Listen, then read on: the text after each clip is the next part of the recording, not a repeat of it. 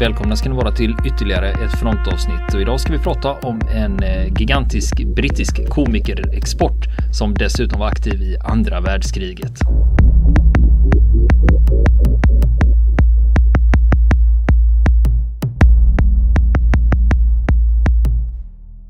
Och vem pratar vi om då? Jo, eh, en av de största exporterna överhuvudtaget när det gäller brittisk humor. Ja, Ja, jag tänkte, som tampas med, ja. ja för du, du i och med att du har sagt andra världskriget så först Ja. tänkte jag ju Mr Bean, alltså Rowan Ja. Atkinson då som har varit jättepopulär i många länder. Men han var med i första världskriget. Ja, Blackadder alltså. ja, Blackadder, ja, ja, det är en av mina favoritserier. Den jag kan jag se, jag vågar inte gissa hur många gånger jag har sett den. Nej. Och John Cleese, ja, han har ju också spelat officer men han var för ung för att vara med i Andra världskriget. ja. andra världskriget. Han säger att han har varit med i Korea i Fawlty Towers. Han ljuger Ja. ju och säger Ja, att han precis. granatsplitter i benet från Korea. Ja, precis. Upprörande. Ja, men då vet vi att det är, inte, det är inte Rowan Atkinson Nej. och det är inte John Cleese. Nej. Och, och vem har vi kvar då? Benny Hill. Benny Hill. Jag, jag menar, Ja. Ni, ni som är lite för unga för att ha upplevt Benny Hill show, googla det. Det måste ju Och- finnas på YouTube. Det måste finnas på YouTube alltså. Det måste det göra. Benny Hill show var en långkörare i Storbritannien. Alltså från 1955 till början av 90-talet sändes Benny Hill show. Där. Och det, ska man beskriva det som en någonting mellan Stefan och Christer och eh, ja, Ja, det är ju ändå en form, inte- det är ja. ju ändå, man kan beskriva program, men det är ju ändå någon form av sketch. ja det är sketch, Och sketchhumor och lite slapstick. Är det. Slapstick och vad du Ja. vill. Mm. Eh, och, eh, Ja. och det är ofta, alltså man ser det med dagens, Ja. från dagens är det ofta väldigt sexistiskt. Och, Oerhört sexistiskt. det är alltså det, mycket visst. bikinibrudar och, Ja, som han springer. Eh, Gubbsjukt skulle ja, man kunna säga. Visst, eh, gubbar i, gubbar i kallingar som jagar kvinnor i underkläder. Ja. Och, och den här ständiga saxofontemat, du vet. Wheels tror jag den låten Ja, heter. ja, eller Jacket i sax tror jag den heter. Jacket to Sax. Jacket i sax. Också, har, jag, har jag hört, men den kanske går under bägge namnen. Nej, det vet jag inte. Jag Ja. bara, Och, bara eh, det första och, som jag alltså, den, den här, han slog igenom internationellt med Benny Hill Show på 70-talet. Och jag har sett en uppgift om att någonstans mellan 100 och 140 länder har sänt Benny Hill Show. Men jag förstår varför, varför man kan göra en sån exportprodukt. För att här är det inte språket som är det Nej. centrala. Utan Precis. det är ju den här slapstick-humorn. Jajamän. Som eh, inte kräver, alltså nästan Det kräver ingen meme. tankemöda. Det är pantomim. Det är också samma Precis. sak med Rowan Atkinsons Mr Bean som är gångbar i alla länder. Ja, för det är inte precis. dialogen som bär upp det. Det är kroppsspråk och Exakt. eh, slapstick-humor. Precis, precis. Och, eh, och Benny Hill då, huvudpersonen, den här, ska man säga, glasögonprydde, korte, tjocke, glade gamängen då. Som, eh, som eh, har gett namn åt serien och, och eh, producerat den också då. Eh, Benny, han hette då Alfred Hawthorne Hill egentligen. Men blev kallad, kallad Benny då i hela sitt liv. Men eh, Och, för, eh, för, eh, han blev kallad Benny och Ja. hette Hill i efternamn. Ja, För jag trodde det var att man hade, det fanns ju nämligen en snuskbok på 1800-talet som hette Fanny Hill. mm. Att det hade med det att göra, Fanny Hill och Benny Hill. Det kan vara möjligt. Att jag, jag, tror inte att, jag tror inte Benny Hill var främmande för något slags snusk så att säga. Så att, så att det kan nog vara lite åt det hållet, men det vågar jag faktiskt inte säga. Nej, det var en, Fanny Hill Ja. var en väldigt känd erotisk roman som Just var för, förbjuden i omgångar också. Just det. Men det, lå, det låter inte otroligt faktiskt. Det kan, ha, kan Ja, finnas ett samband. finns Vi säger inte vår- att det är nej, så, men, men kan eh, göra det. våra Benny Hill-experter här ute kanske, det finns någon som vet svaret där kanske.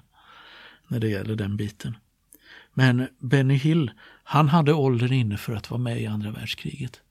Som vi sa, att flera andra har ju spelat brittiska soldater och officerare på uniform. I, i, och uniform då, men här har vi en som faktiskt var med.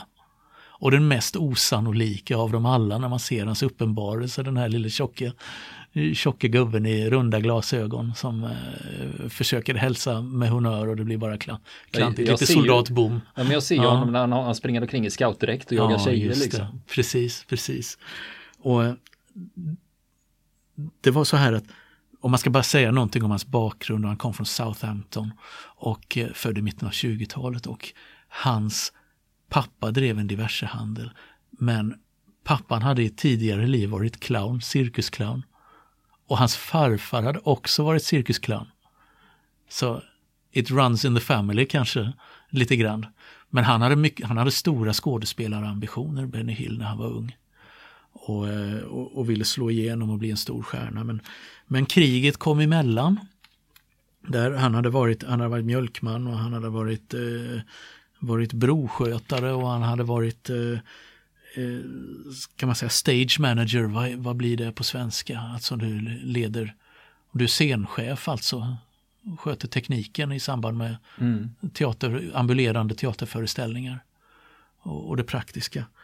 Det hade han sysslat med lite grann, så kom kriget emellan och han blev inkallad då, eh, långt efter Dunkirk, eh, 1942, så, så hamnade han i den brittiska armén. Och eh, hamnade han i pansartrupperna? Nej. Hamnade han i infanteriet? Nej. Artillerist? Eller Royal Air Force? Nej. Men han hamnade i, i det som kallas Royal Electrical and Mechanical Engineers. Specialstyrka då, alltså så han var craftsman, alltså han var förare och mekaniker i brittiska armén under andra världskriget. Då. Eh, 100, nummer 143 32 308 Hill. Och eh, han blev sen mot slutet av kriget även sökarljusoperatör i Normandie. Blev han. Men om man ska titta först då på hans utbildning, alltså mekaniker skulle han bli utbildad till. Han fick en snabbutbildning som mekaniker på sex veckor och han fick en intensivkurs som eh, på en körskola alltså. Han skulle bli lastbilschaufför i brittiska armén också. Så han hade bägge, bägge de eh, kompetenserna. Men hur blev det i verkligheten? Ja, han var en usel bilförare. Sagolikt usel enligt hans egen, eh, egen eh, utsago. Och eh, körde i princip aldrig bil i det civila i resten av sitt liv.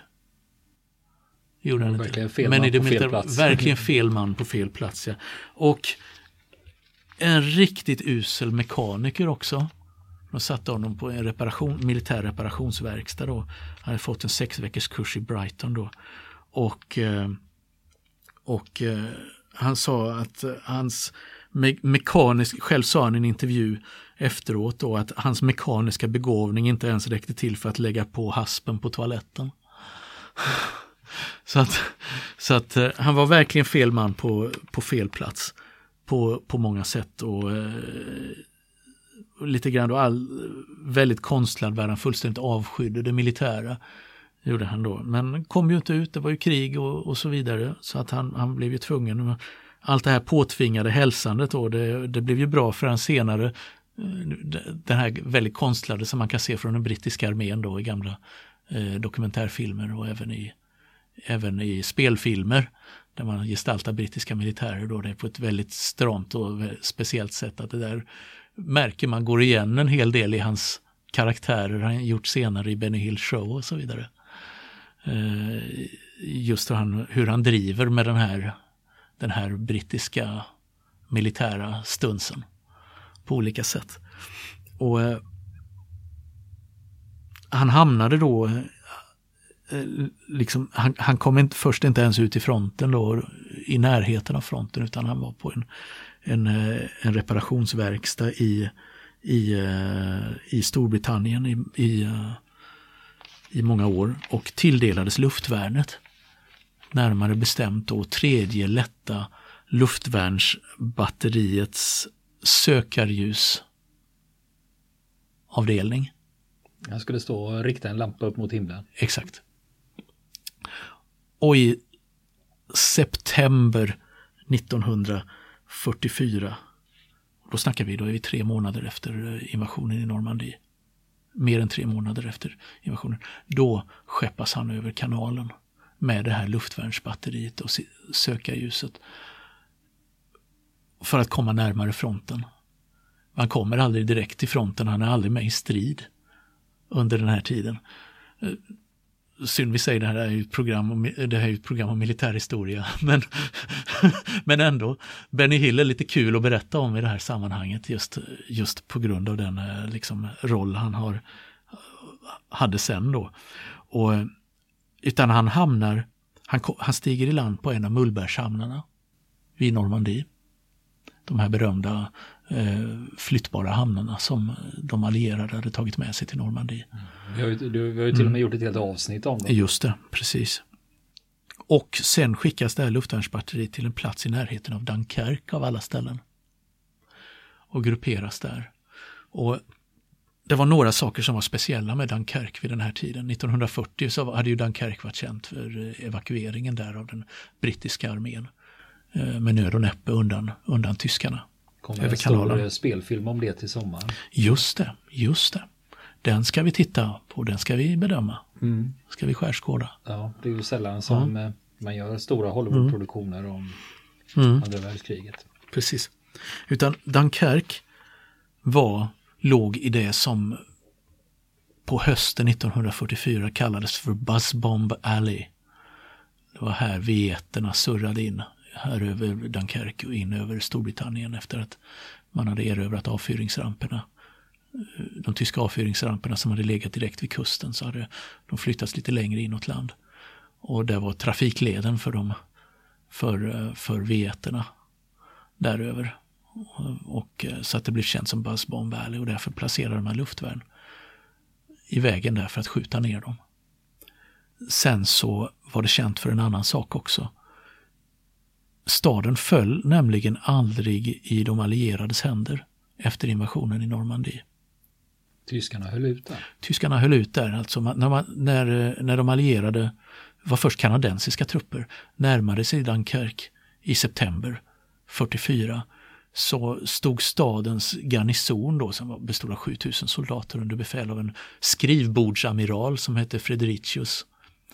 Eh, det stod emot det första anfallet och fältmarskalk Montgomery bestämde då att äh, vi lägger ingen möda på, på uh, Dunkerque utan vi innesluter staden men vi anfaller den inte. Och det, det här knyter ju an till de avsnitten mm. vi gjorde om Le Havre. Ja, exakt, exakt. Så det, det var, sak det, det, var ju det här med ja. att Le Havre, i mm. där, där eh, mm. tyskarna höll ju Le Havre och britterna gick in men först bombade mm. de den, Bomber Precis. Harris från RAF Just det. Eh, mm. Jämna stan med marken mm. och sen gick de in. Och, och då blev det sånt rabalder i brittiska tidningar. Man undrar, ska man verkligen, är det, är det så här befrielsen ser ut? Liksom? Precis. Precis. Och, och, och Leaverborna tyckte också det, liksom, men mm. är det så här ni ska befria oss? Ja. Att ni jämnar stan längs med mm. marken och sen kommer in och jagar upp tyskarna ur bunkrarna. Precis. Det, är liksom, det var ju det som i... låg i bakgrunden till Just när det. man skulle fatta mm. beslut om Dunkerque. Just det.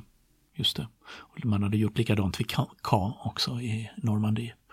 Där att man hade jämnat staden med marken innan man gick in. Så att visst, det där låg i bakgrunden och därför så blev Dunkerque belägrat. Eh, först av kanadensiska trupper men sen skickades de vidare till fronten.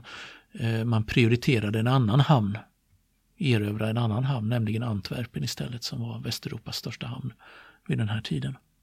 Det var högsta prio att ta den.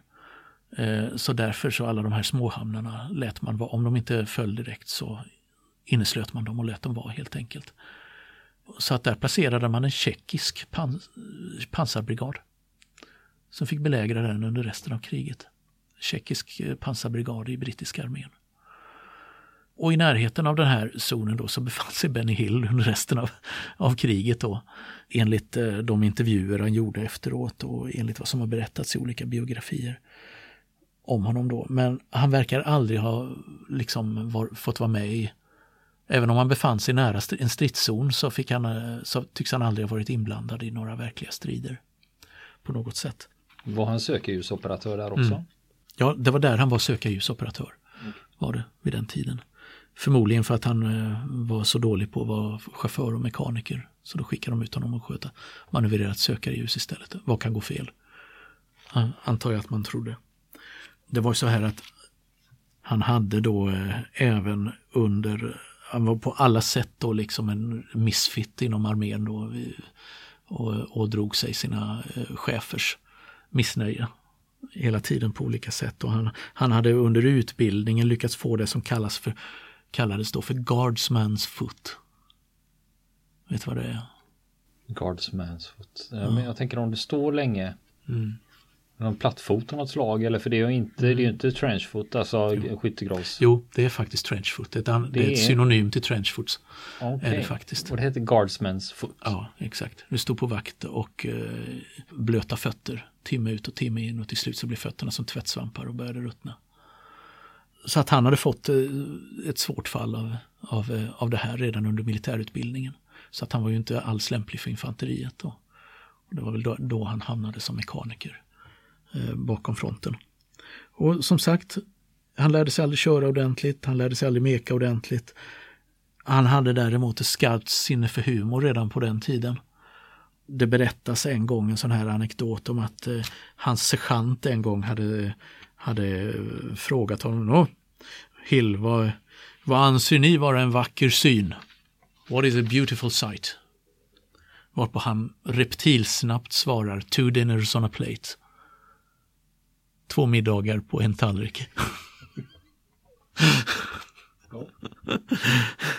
så att eh, redan på den här tiden då så hade han ambitioner då att ja, men han vill ju vara en underhållare, han vill vara en artist, han vill vara skådespelare, han vill stå på scen.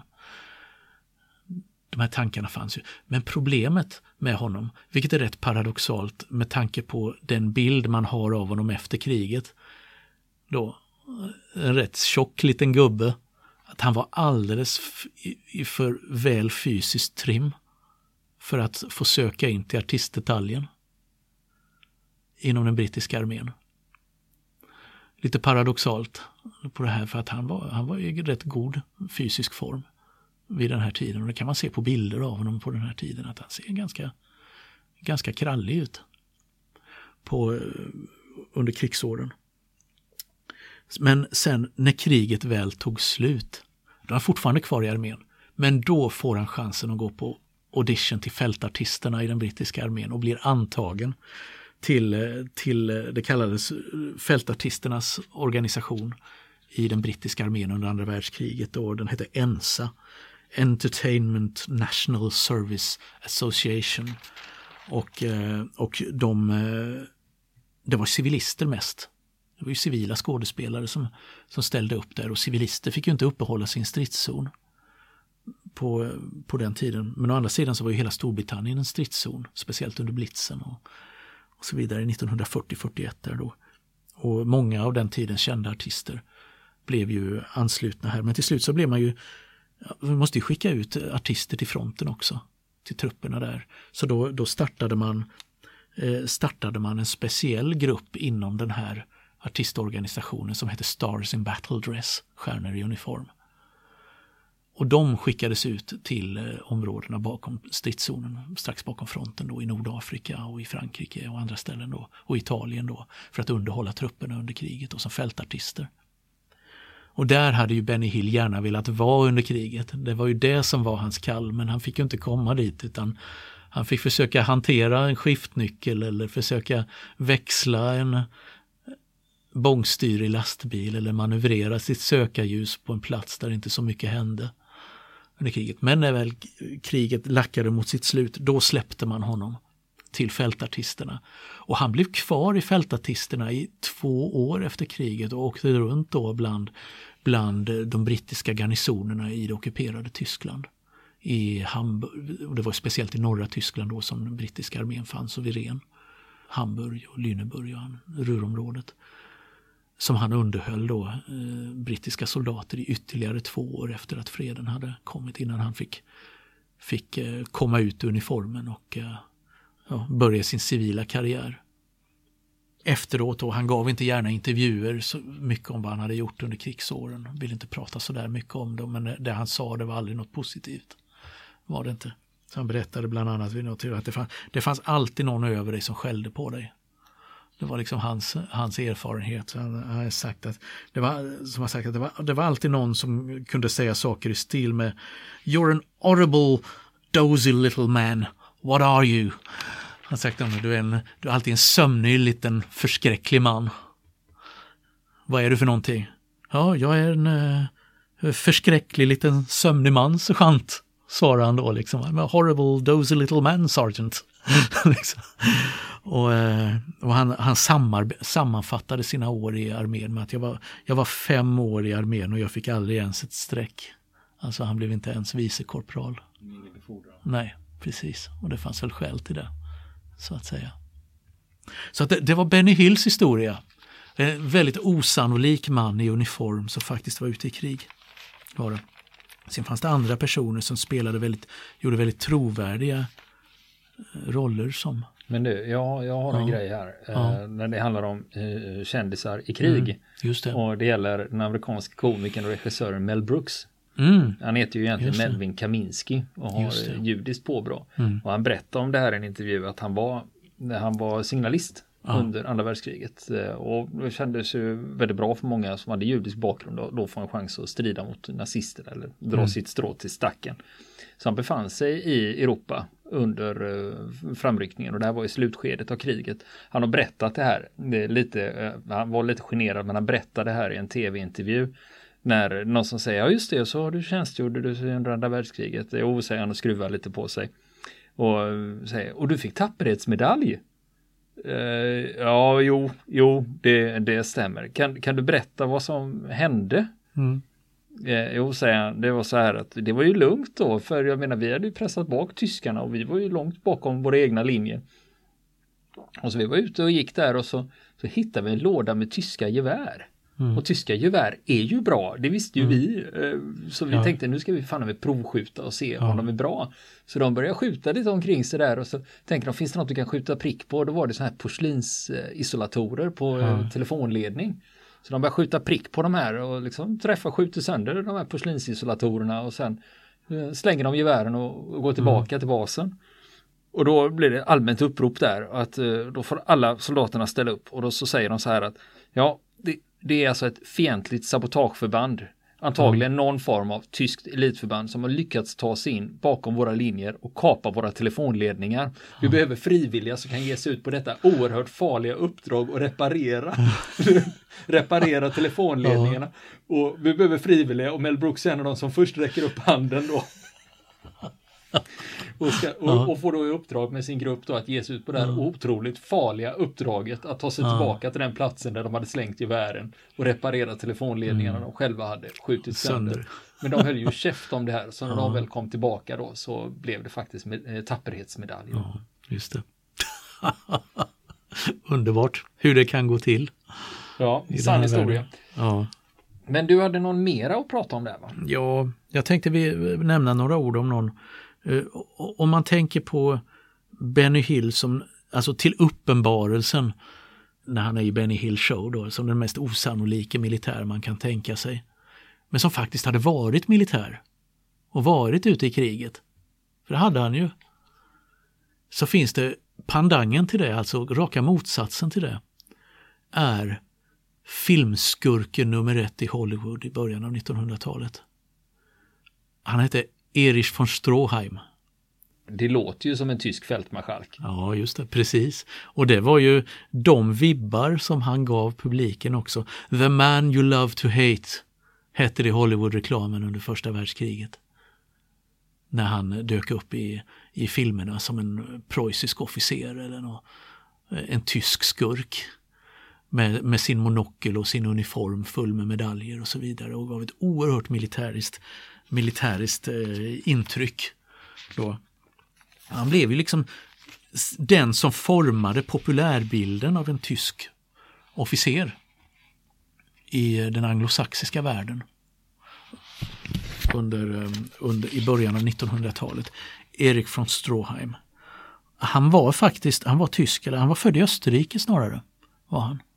I Wien i början av 1800-talet och hans bakgrund är väldigt eh, lite oklar sådär. Det finns, finns väldigt många luckor i den och väldigt mycket som man, man inte rykten och motsägelsefulla uppgifter. Men många är i alla fall överens om att ja, men han hade troligen någon slags bakgrund som officer i den österrikiska armén eller officerskadett i den före första världskriget. Och eh, det, det, finns de som påstår att ja, han hade gått på den österrikiska officersakademin i Wien. Och någon, han hade fått av någon anledning sluta där, förmodligen sin karriär, kanske, kanske någon skandal hade spekulerats i. och, eh, av något slag som gjorde att han blev ivägskickad till USA eller tvingades helt enkelt fly landet. Det märkliga är att eh, trots att det har skrivits flera biografier om honom så verkar det inte ha varit någon som har hela sanningen om hans bakgrund i Österrike. Det verkar inte som han har borrat ordentligt i det här. Men själv så hävdade han i alla fall att han var en österrikisk adelsman. Som hette Erich Hans Oswald Karl Maria Stroheim von Nordenwald. Det låter ju bra. Pampigt namn. I själva verket så hette han Erik Stroheim. Han var inte adlig. Det fanns inget von i hans namn. Hans föräldrar var inte adliga. Hans pappa var en judisk hattmakare från, från Tyskland. Från Schlesien och hans mamma var från Prag. Och det fanns de av hans generationskamrater som hävdade att han inte ens kunde prata tyska ordentligt. Han pratade jiddisch. Jaha. Ja, precis. Ja. Och att när han väl pratade, skulle prata, ge tyska repliker i sina filmer så fick han plugga dem. Noggrant okay. ord för ord. Påstås det. Medan det finns andra som har påstått motsatsen. Ja men han pratade tyska som eh, viss, visserligen en underklasstyska men ändå Ja, han, är inte fanns, den, han är inte den enda i filmsvängen som har lagt sig till med ett fond. Även nej. den danska regissören Lars von Trier Just det. Eh, bytte Precis. ju själv namn till von Trier. Han hette ju Lars Trier från början. Just det. Precis, låter lite finare. Han hade, han hade eh, det gick, gick, så långt att hans, hans eh, skådespelarkollegor och vänner i Hollywood sen de, eh, de kallade honom bara för Fon. Gjorde de. Det var öknamnet på honom och det var förmodligen så låg det, det var, alla visste när du kom till Hollywood så uppfann du din bakgrund igen och din, även din framtid. då kunde du säga att du hade gjort vad som helst och sen kunde du bli vad som helst. Också lite grann eh, av den ny, någon slags nybyggardröm eller nybyggaranda. Där. Och, eh, och det verkar i alla fall Erik Stråheim ha dragit eh, stor nytta av. Och, och det fanns till och med någon som eh, samtida med honom som eh, eh, en, en foto, modefotograf som hette Helmut Newton då. Han hade, var tysk från början, det var hans modersmål. Tyska då som faktiskt eh, uppvägde de här andra då att han inte kunde prata någon riktig, riktig tyska med att säga att ja, men han pratar, han pratar med speciell eh, preussiskt officers slang eller officersspråk. A very Prussian officers lingo, sa de då. Det är väldigt abrupt och korthugget och väldigt roligt. Påstod, påstod den här fotografen då i en intervju om, om Stråheim. Men han, han blev då, som man säger, sinnebilden av, av den här då eh, preussiske fyrkantige eh, officeren då redan 1909 så kom han till New York på en båt. Och först var han diversarbetare i, i New York, lite av varje, innan han tog sig till Hollywood och slog sig fram där och gjorde det med stor framgång. Det gick väldigt fort, speciellt när kriget hade brutit ut 1914 och så behövdes det tyska filmskurkar. Och han passade som handen, en hand i handsken där. Typecastad. Typecastad kan man säga. Och, och dessutom så kan man nog säga att uh, han kom från Österrike. Österrike-Ungern var ju en av Europas stormakter på den här tiden eh, som eh, 1918 försvann från kartan. Hur det än ligger till med hans bakgrund där, vad som är sant och vad som inte är sant när det gäller den, så kan man ändå säga att ja, han var oerhört präglad av sin uppväxt där. Visade någon slags hatkärlek mot den här monarkistiska dubbelmonarkin med sina pampiga, mossiga traditioner och han var väldigt han hade en väldigt stor uniformsfetischism och gick ibland omkring i sina filmuniformer även utanför filminspelningarna. Snacka om varumärkesbyggande. och eh, väldigt förtjust i militära ritualer och så vidare. Då, så man, eh, allt för att liksom, antagligen falla in i den här rollen, bygga varumärket som en före detta österrikisk officer nu som tala om att så här går det till. Det kanske var tidig method acting, det vill säga när du ja, lever precis. in i rollen till 100% mm. dygnet runt för att ja, bli typ. rollen. Typ, kan ha varit det. Och, eh, och eh, då under första världskriget då spelade han tyska skurkar på löpande band gjorde han och i en av de här rollerna han gjorde en film som heter The Heart of Humanity så när han blev störd av ett gråtande barn så tog han barnet och kastade ut det genom fönstret.